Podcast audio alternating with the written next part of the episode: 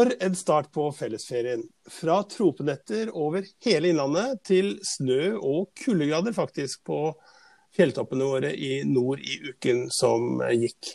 Men nå er det fram med shortsen, for i helgen blir det bra. Yr.no de spår at Vest-Oppland skal melde seg fra sin aller, aller beste side. Mitt navn er Erik Sønstli, og jeg skal ta deg gjennom den neste drøye halvtimen med min faste makker Stina Håkonsbakken Roland.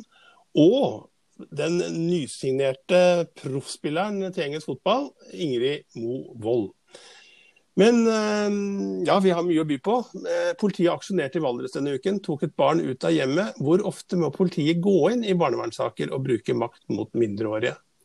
Profesjonelle stupere lagde sjokkfilm rett og slett fra Høgfallet i Gjøvik. Tok mageplask fra 23 meter. Nå reagerer leger og andre i Gjøvik-regionen. Og Ingrid Moe Wold hun startet på Løkka på Kapp, og nå går proffeventyret fra Spania til Storbritannia. Vi har møtt den nye Everton-spilleren. Men først, aller først, Ida. Eh, du må ta oss gjennom sakene som vestopplendingene har diskutert aller friskest denne siste uka. Ja, det er ingen tvil om at barnevern har vært noe mange har engasjert seg i denne uka her. Eh, Ellers så vil jeg anbefale et innlegg vi har uh, ute om uh, vindkraftverk. Der er det over i uh, Eller er en pågående debatt. Og et innlegg fra Nils Faarlund. Norsk høgfjellsskole, som, som, er litt tankevekkende om egentlig hvor stort er behovet, da.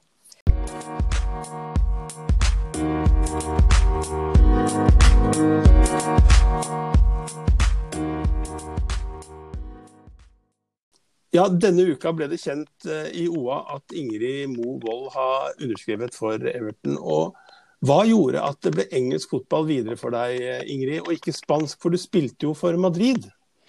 Ja, det stemmer. Jeg signerte jo for Madrid uh, og dro dit 1.1. Uh, og skulle være der til slutten av mai, men det ble jo ikke sånn, sånn, i år. Så nå har jeg vært hjemme siden, siden midten av mars, er det vel. Og og har signert for Everton. Så jeg drar til England på søndag.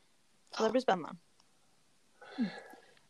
Du har vært koronaslutt på profftilværelsen i Spania, på en måte. Du, du har, har, du trenet for deg sjøl, liksom? Eller har du hatt noe lag du har kunnet trene sammen med nå?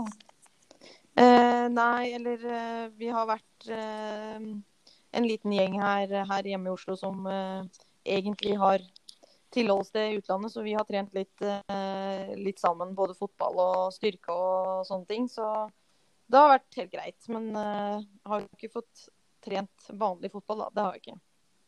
Nei. Hva, hva, tror du er forskjellen på en spansk klubb da, eller en norsk klubb og en engelsk klubb? Du var jo med på hele oppturen til Lillestrøms uh, topplag. Ja. Uh, ja.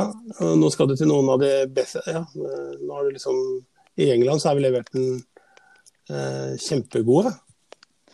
Ja, de er i hvert fall Jeg tror de havna på sjetteplass nå den sesongen som ble Den ble jo bare avslutta, den også, da, der nede. Så um, jeg, det inntrykket jeg har fått Nå har jo ikke jeg vært nede der eller, eller noe sånt, da, men det inntrykket jeg har fått, er at det er en klubb med veldig store ambisjoner. og og veldig bra sånn apparat rundt og gode fasiliteter, og at det er veldig sånn profesjonelt. Da. Og det er vel kanskje den største forskjellen, tror jeg, fra, fra hvordan man har det her hjemme enn så lenge. Og, og hvordan, jeg, hvordan, den klubben jeg var i Spania også. For det, det, var jo ikke av den beste klubben, på en måte.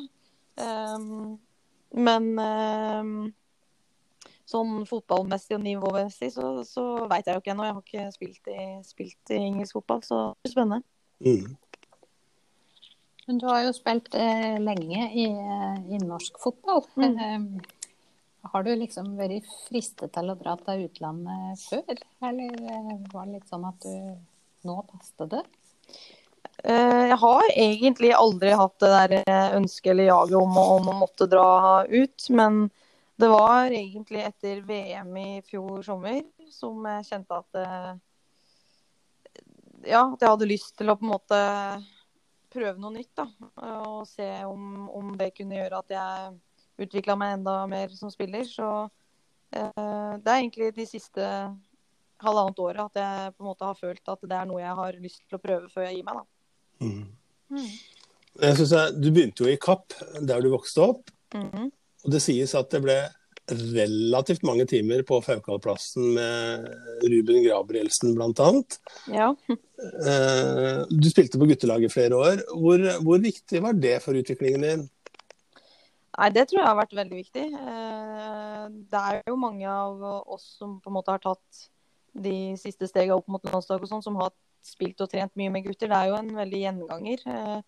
Men jeg var også veldig opptatt av å, å være med venninnene mine og sånn òg, så det var Kapp er jo en veldig liten klubb sånn sett, da, og et lite miljø. Sånn at eh, jeg fikk muligheten til å være med både jentelag, men òg guttelag. Da. Så jeg tror det var helt avgjørende for min utvikling. Det er jeg ganske sikker på. Og jeg trivdes jo veldig veldig godt på det guttelaget òg. Så det var eh, morsomme tider.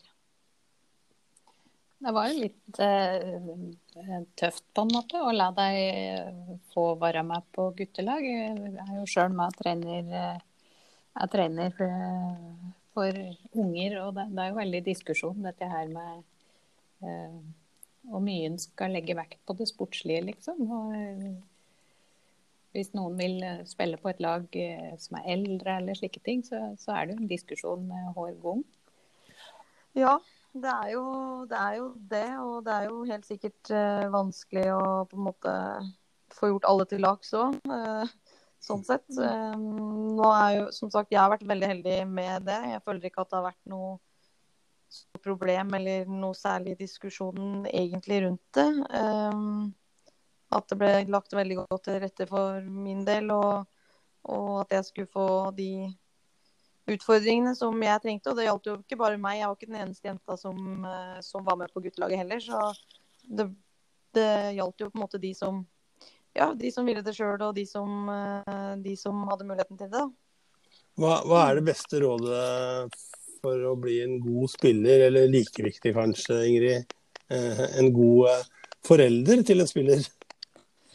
Ja, jo, jeg har jo en mor og en far som har eh, vært med meg overalt i alle år. Og, og eh, de har vel Pappa var jo treneren min på fotballaget, og det kan jo hende at han til tider stilte litt større krav til meg enn en mange andre òg, men ikke noe sånn som var noe problem i det hele tatt.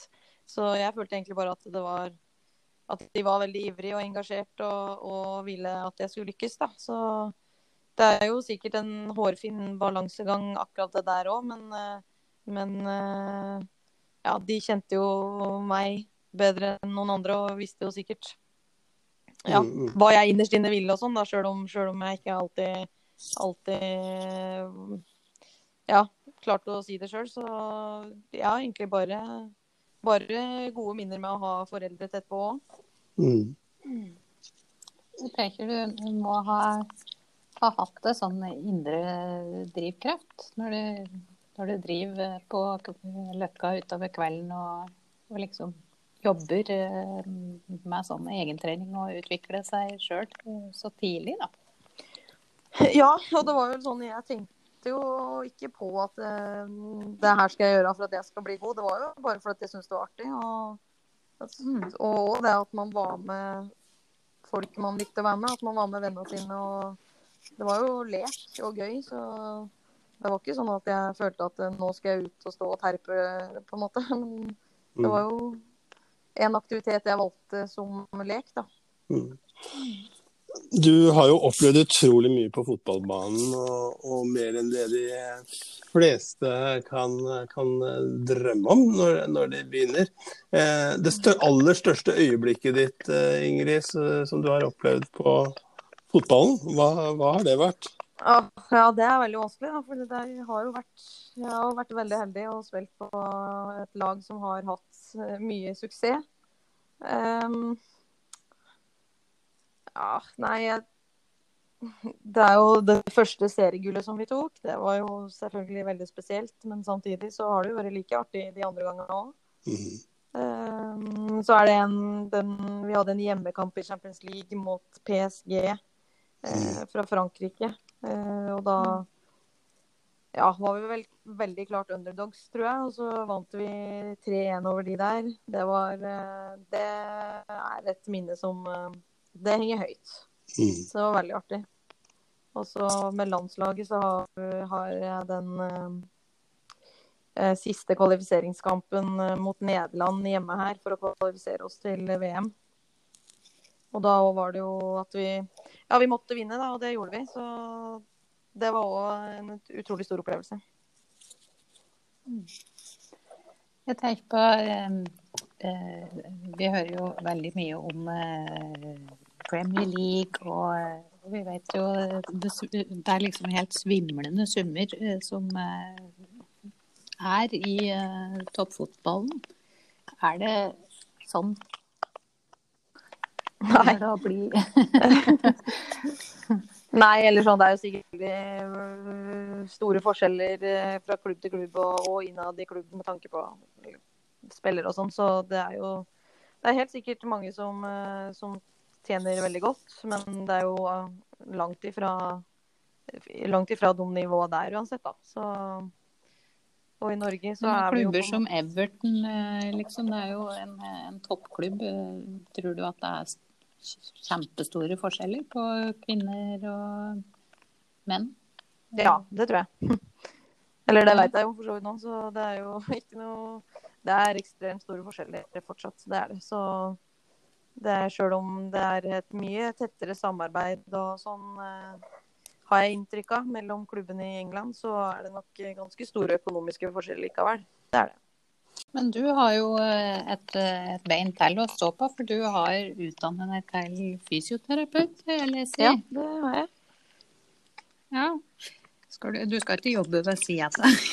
Nei, ikke, ikke i England, nei. Så jeg har jo gjort det når jeg har spilt her hjemme i Norge, men, eh, men nå Ja, du har det, ja.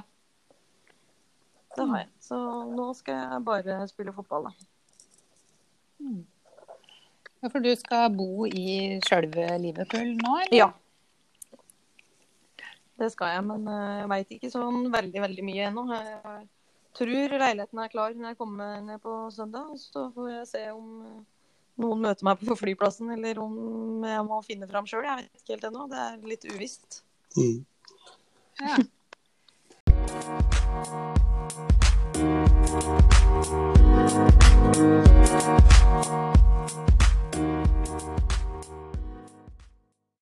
Politimester Johan Brekke, velkommen. Takk for det. Du, denne uken gikk eh, dine tjenestemenn inn i en barnevernssak i Valdres. Barnet ble tatt fra foreldrene. Et stort antall eh, eh, om demonstranter var ordet, men, men iallfall mange var til stede. Var møtt fram, og det ble filmet. Eh, eh, er dette tøffe oppdrag for tjenestemennene dine? Ja, det, det er det selvsagt. Eh, I sånne typer saker så er det jo sånn at eh, politiet har plikt eh, til å bistå andre offentlige myndigheter hvis det er vedtak som er fattet som skal effektueres. Så det har vi en plikt til å bistå. Da har den andre offentlige etaten et hjemmelsgrunnlag for å be politiet om hjelp. Vi må hjelpe. Samtidig er det jo opp til politiet i utgangspunktet eh, å velge hvordan en gjør det. Eh, en prøver selvfølgelig å gjøre det så skånsomt som mulig. Eh, men ofte så er det jo sånn at en ønsker ikke å medvirke til at denne etaten får vedtaket sitt effektuert. Eh, Og Da er det politiet som eh, er den hjelpa som, eh, som denne etaten trenger. Både i forhold til å få effektuert vedtaket, men generelt sett òg kanskje i forhold til sin egen sikkerhet, trygghet i forbindelse med å hente ut barnet, hvis det er snakk om et barn.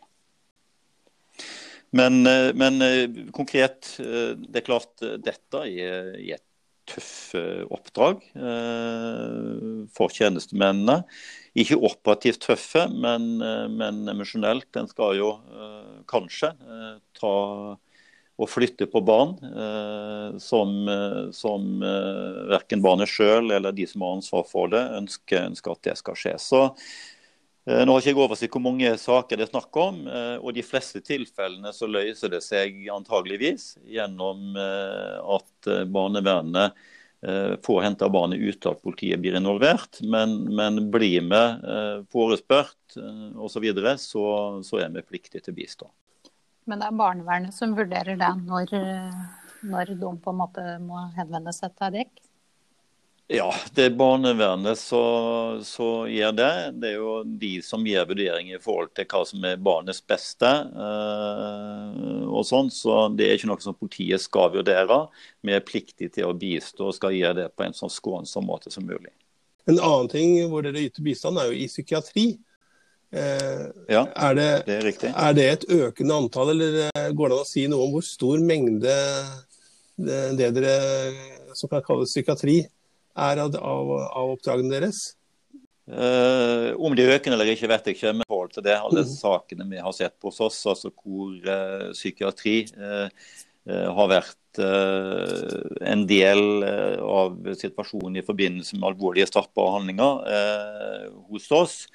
Og så er det mange saker utover det, men vi har ikke gått inn og tatt noe sånn saksuttrekk på operasjonssentralen for å finne ut hva vi bruker av det i forhold til ressurser. Men eh, problemstillingen er stor hos oss, vil jeg si.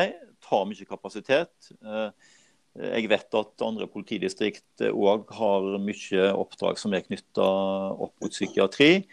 nå har jo vi hatt diverse justisministre og andre på besøk hos oss, politidirektør osv. Dette er en problemstilling som jeg har reist i de sammenhengene. Eh, nettopp eh, for å få satt fokus på dette med rolleansvarsavklaring mellom helse og politi eh, i, i, forhold til denne type tematikk. Da. Vi hadde jo den saken nå i ja, uka som var, hvor Spesialenheten henla en sak mot politiet etter at beredskapstroppen eh, skjøt. Og, og, det endte tragisk for en syk, psykisk syk mann på mm. Jaren. Eh, hva slags eh, kommentarer kan, har du til den henleggelsen og den saken?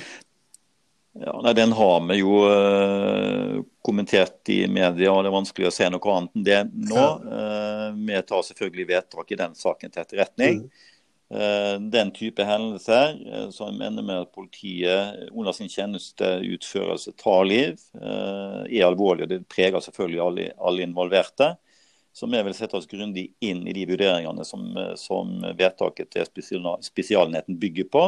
Eh, og så vil vi, og I alle sånne saker så er det alltid noe å lære, så vi vil jo se på det er noen læringspunkter her for, eh, for vår del. Eh, men det er sånn at ber helse om hjelp, så er vi forplikta til å stille opp. Det gjorde vi i, i denne situasjonen. Eh, hvor det ble bedt om bistand. Eh, og Nå er jo saken i tillegg innklaga for Riksadvokaten, så det ville være helt feil mm. Eh, for meg av den grunn òg å gå inn og kommentere nærmere avgjørelsen, og ikke minst uttalelser som andre har kommet i etterkant av den avgjørelsen. Du, Det har storma rundt politireformen, og du har sagt at politiet Innlandet må spare betydelige summer og flere titalls millioner eh, kroner bare i år. Som politimester, på hvilke områder syns du at politiet Innlandet leverer aller best? Og på hvilke områder eh, kjenner du de største utfordringene her?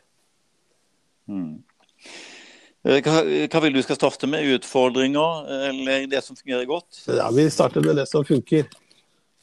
ja, OK. Uh, det er klart vi får, eh, vi får mindre ressurser. Eh, da, og Det er jo politikerne som bestemmer hvor mye eh, penger politiet skal få. Så da må vi forholde oss til det. Og Da er mitt oppdrag, vårt oppdrag å få til så mye og så bra polititjeneste som mulig for de pengene som vi har. Men det er klart, når vi får mindre penger, så blir prioriteringene desto viktigere. Vi har akkurat fått på plass en strategisk plan hos oss med tre hovedpunkter, egentlig. Eh, vi må levere når folk virkelig har behov for politiet, eh, altså ved alvorlige hendelser. Eh, der er det krav om responstid, altså hvilke, hvilke vi kan bruke for å nå fram. Det leverer vi på, og det tenker jeg det er faktisk den aller viktigste oppgaven ut mot publikum. Og er viktig for publikums tillit til oss.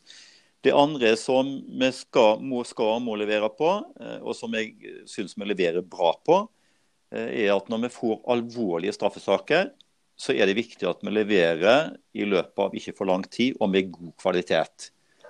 Det er viktig for alle som er involvert i en alvorlig straffesak. Det tredje området hvor jeg syns vi begynner faktisk å få til ganske mye, det er på det forebyggende feltet. Nå er det hovedstrategien, nå er forebyggende hovedstrategien i politiet. Dvs. Si at politiet skal jobbe forebyggende på alle virksomhetsområder i politiet. Eh, vi er i ferd med å få på plass en strategisk forebyggende plan eh, i Innlandet på det området. I tillegg så er jobben, samarbeidet ut mot kommunene megaviktig. Det som vi har fått til ganske godt hos oss, eh, bl.a. borte på Gjøvik-sida, fungerer politikontaktordningen kjempegodt. Kommunene er veldig fornøyd med det politikontaktene leverer. Til tross for at de kanskje har mista et lensmannskontor og mista en lensmann, så har de fått noe tilbake som de er superfornøyd med. Eh, så det er jeg, eh, jeg faktisk veldig, veldig, veldig fornøyd med. Det er flere ting òg, men da har jeg iallfall peka på noen sånn overordna ting som jeg syns vi leverer bra på, som jeg faktisk er, mener at det er viktig for publikum. Og det publikum er til for. Uh, derfor er det viktig uh, at man har det i fokus hele tida. Ja, så var det utfordringene som du føler er størst? Det kan jeg jo òg si noe om. Vi har jo en, en utfordring innenfor etterforskning og påtale. Eh, det tror jeg er velkjent både for Roa og, og andre.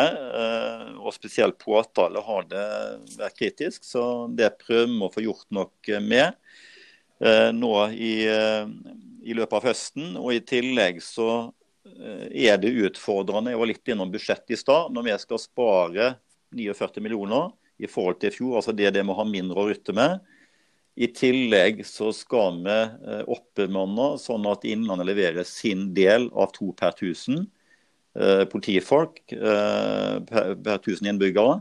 Det innebærer at vi 1.12. skal ha 620 politifolk i arbeid i Innlandet. Og det er klart Når en både skal spare et stort beløp og, og trenger å, å, ha vakante stillinger, og i tillegg skal på plass med mange stillinger, så er det en stor utfordring. Men vi jobber godt med det, og det blir uh, hovedutfordringen uh, nå når sommeren er over. Samtidig så vil det jo gi oss mulighet for å styrke noen områder, altså hvor vi har behov for, uh, for økt kapasitet. Så det skal vi gå i gang med rett over ferien. Sette ned i arbeidsgruppe som, eh, som da kommer med et forslag til hvor, på hvilke områder, eh, og det er jo politipersonell vi snakker om, eh, de skal, eller hvordan de skal fordeles. da. Jeg tenker jo sånn i disse dager som Senterpartiet gjør det, gjør det, jo så bra på målinger, og de har jo gjort dette med nærpolitireformen til en av sine favorittsaker, hadde jeg nær sagt, før, før et valgår nå. Uh, hva tenker du om eh, det fokuset som kommer fra eh, politisk hold? Eh, ja, eh, jeg snakker egentlig mest om politireform, jeg. Eh, faktisk, eller kvalitetsreform. Jeg syns egentlig det er en bedre betegnelse på det politiet har vært gjennom og fortsatt står i. Det er klart det ble jo politisk bestemt at det skulle hete nærpolitireform. Og det er klart I Innlandet så ble det jo en kraftig reduksjon av antall plasser politiet var. Eh, og Da blir det pedagogisk utfordrende å snakke om en nærpolitireform. nærpolitireform. i men iallfall det som er realiteten for oss, da, og det er det mange av lederne ute som har sagt, selv på de plassene hvor det faktisk er lange avstander, kan ta litt lenger for eller når politiet kommer, så har de vært veldig tydelige på, bl.a. på Vinstra, Eh, men òg oppe i Nord-Gudbrandsdalen og andre plasser, at hvis de virkelig får alvorlige hendelser, så får de støtte fra hele distriktet. De får ressurser på etterforskning, kriminalteknikk, eh, operativt fra andre områder. En har en helt annen ressursbank i dag enn det en hadde i de gamle distriktene. Det gjelder òg f.eks. noe annet som, som er, har vist seg å være veldig positivt. Det er FSI, altså felles straffesaksinntak, som er Eh, et avsnitt som er laga som eh, er tett opp mot operasjonssentralen, hvor det sitter jurist, eh, etterforskningsledere og etterforskere som er på store deler av døgnet, og som prioriterer alt av straffesaker som kommer inn. Som gjør at en tar de grep som er viktig å ta tidlig med en gang, og styre saken sånn at saken kommer inn i et rett spor. Det avlaster selvfølgelig igjen enhetene ute.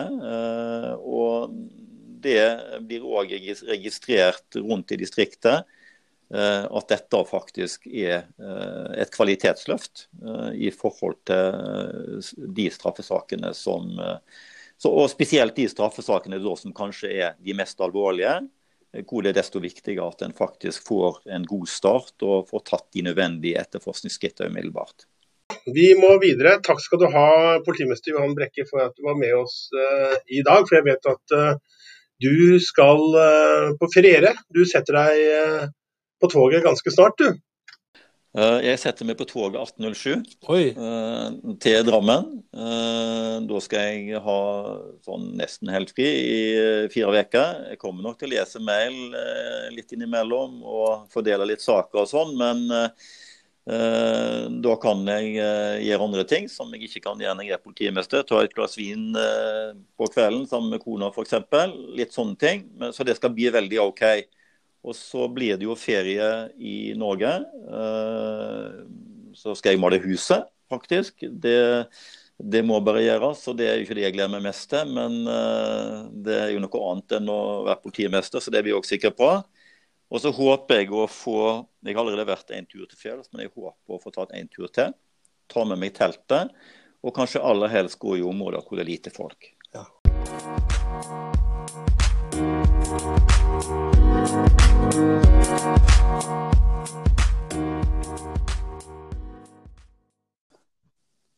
Denne uken så dukket det opp en film på YouTube. En gjeng kompiser, adrenalinjegere og proffe stupere kastet seg ut fra toppen av høgfallet ved Gjøvik.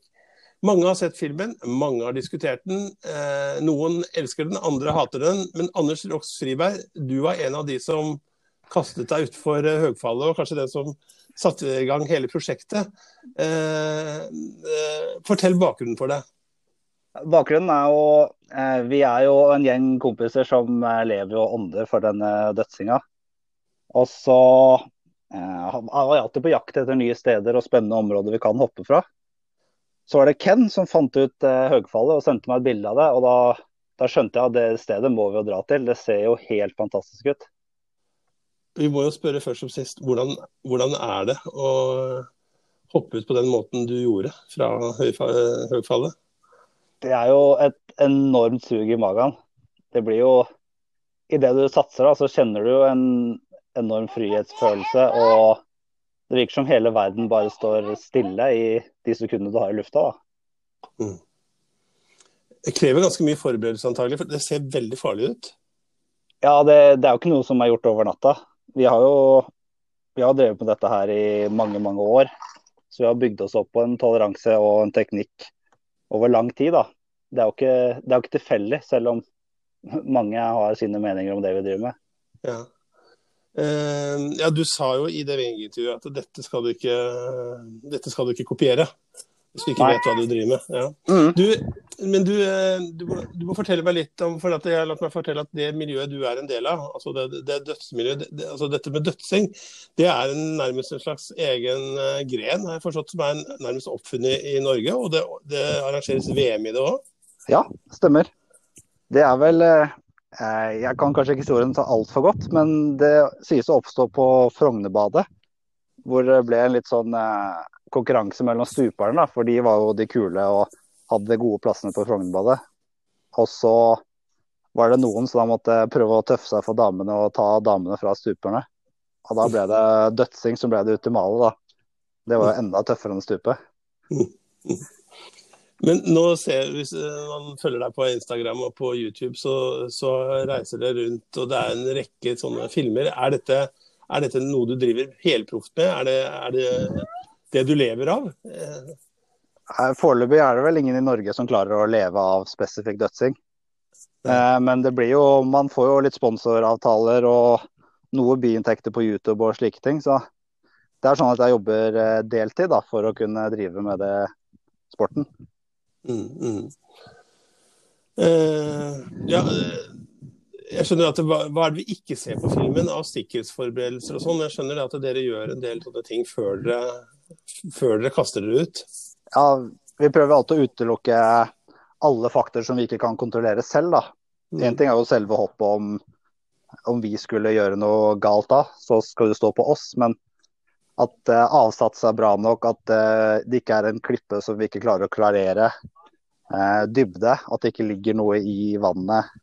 Slike type ting, da. Mm. Så jeg har jo et håndmålt ekkolodd som jeg alltid har med meg. Så liksom vi slenger ut først, og så måler vi hvor dypt det er. Mm. Og så svømmer vi alltid uti hvis dybden viser seg å være bra, da, at det er mulig å hoppe. For å ikke sjekke, da. fordi Sånn som spesielt Høgfallet, da, så er det jo det er en elv og det er en foss, og plutselig så har det kommet en eik som står på som en påle rett opp der som man ikke ser, da. Mm. Så vi Ja, vi gjør alle forhåndsregler vi kan. Eh, eh, Det var et arrangement her på Gjøvik, på Fastland, eh, hvor eh, vi så spektakulære hopp og stup. Og noen av de som sto bak det, de, de, de, de syns dette var eh, veldig bra. Eh, Mhm. Og, og, og eh, syns eh, disse, denne filmen var fantastisk. Eh, Andre var, var litt mer sånn skeptiske, og noen fra sykehuset her og sånn sa at man, man var skeptisk. Man ville ikke, man vil ikke ha verken dere eller andre som hermer etter dere, eh, opp til dem. Eh, hva tenk, I hvilken grad tenker dere på at andre skal herme og skade seg? og Hva tenker du om det liksom, hat i anførselstegn da, som du får i kommentarfeltene? Ja, det er jo alltid en risiko for at noen skal kopiere det, da. Mm. Eh, og det er jo Jeg tenker på det mye, faktisk. Eh, Mm. Men så er det jo Alle må jo kunne stå til ansvar for det de gjør selv, da. Og ikke å ta et valg de er inne for. Og jeg skjønner Mye av hatet vi får, er jo gjerne fra folk som ikke kjenner til miljøet eller vet noe særlig om idretten vi driver med, da. Men det har enorme tall, og det, er- du sa litt til meg om det. At du, du tror at eh, alle, iallfall gutter, har eh, på en eller annen måte om sommeren drevet en form for dødsing eller hopping fra klipper eller fjellsider eller, eller mm. eh, stupe, stupetårn i badeanlegg. Ja. Eh, Er, er, det der, ja, er det det som virkelig trigger oss, eller er det der det kommer fra? Jeg tror, det er mye, jeg tror det er mye spesielt gutter da, kan relatere litt til sporten, nettopp pga. det. Når de var unge, så var det alltid et sted å hoppe eller bade og prøvde en målbag eller salto. Så jeg tror mange som sitter hjemme og ser på, tenker seg tilbake på noe de har gjort. Eller unge da, som ser at eh, triks kanskje de ser vi gjøre som de ønsker å prøve selv. Slike ting, da. Det er jo en Hvordan- ekstremt publikumsvennlig sport. Ja. Eh, Hvor eh, høy- høyfallet var 23 meter, hva er det høyeste du har hoppa fra? Eh, Høgfall er det høyeste jeg har hoppa. Det er det, ja. ja. Ja. Eh, jeg mener at jeg hører på den videoen at dere sier her må vi tilbake til vinteren. ja. Det var en liten sånn bisetning, og så kanskje få legge filmen i en litt cliffhanger, da. Men eh, jeg må innrømme at tanken trigger meg, men jeg vet jo ikke om det kommer til å skje. Nei. Men vi har jo, i vinter som var, da, så ble vi ganske ivrige på vinterbading. Så vi var eh, mange steder og hoppa i frossen fosser og eh, Vi hoppa en gang fra en eh, togbru på vei til Gol, hvor vi måtte svømme gjennom isen for å komme tilbake på land. Så det er, eh, det høres helt vilt ut. ja, det, det er noe som skaper litt oppmerksomhet òg, da. Men antagelig er det et vanvittig adrenalinkick da, etterpå, eh, når dere, har, når dere har gjort dette her. Ja, absolutt. Og så er det jo bare, en, bare det å vinterbade er en sånn euforisk opplevelse etterpå, da. Det ligger mye endorfiner og Da får vi se, se om, eh, om, bisettingen eh, blir til, til noe mer. Men tusen takk for at du var med, var med oss i, i OA-podden. Og så får du ha lykke til videre. Tusen takk for det. Og takk for at jeg fikk være med.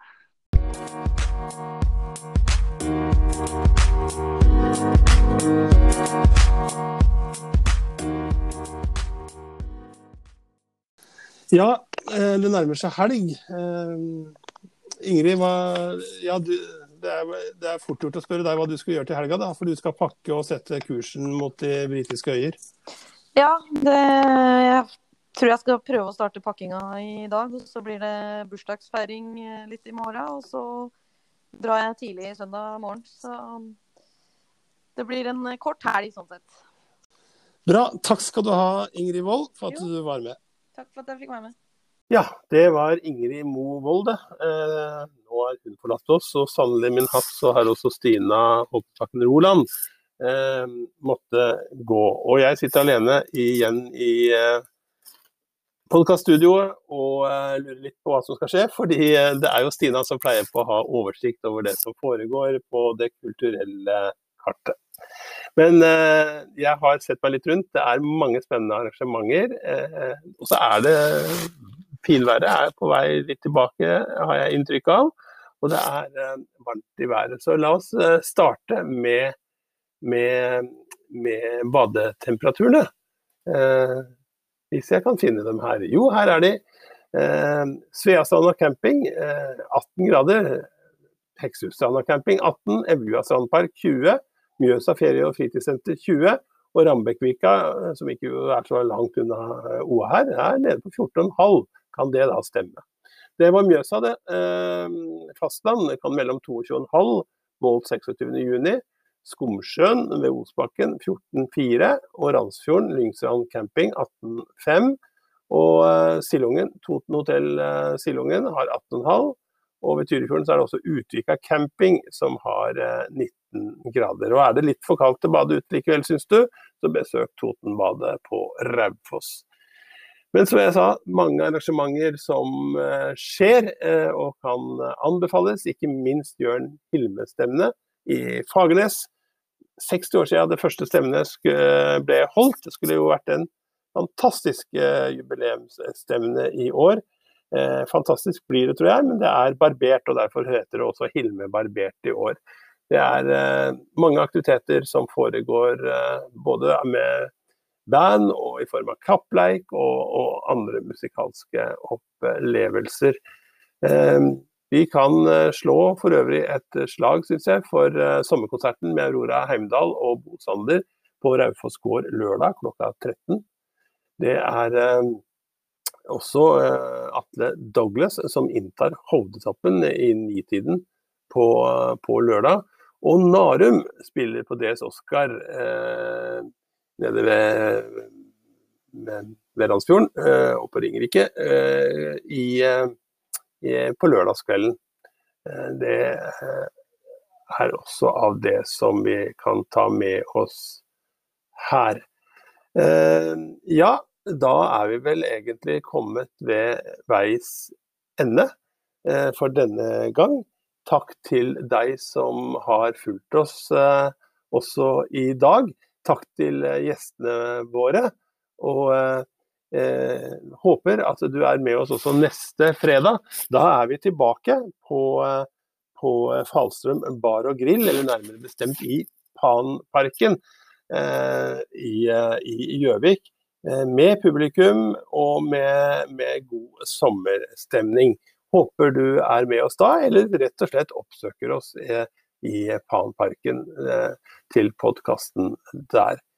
Eh, slår også et slag, syns jeg, for, for den nye fotballpodkasten til Even Bråstad og Marie Gram og Nora Jabris 'Sommer uten sensur', som starter opp på onsdag, og som vi vet at mange har sett fram til skal komme tilbake.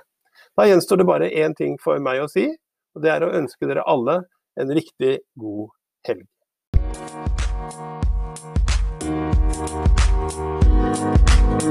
Thank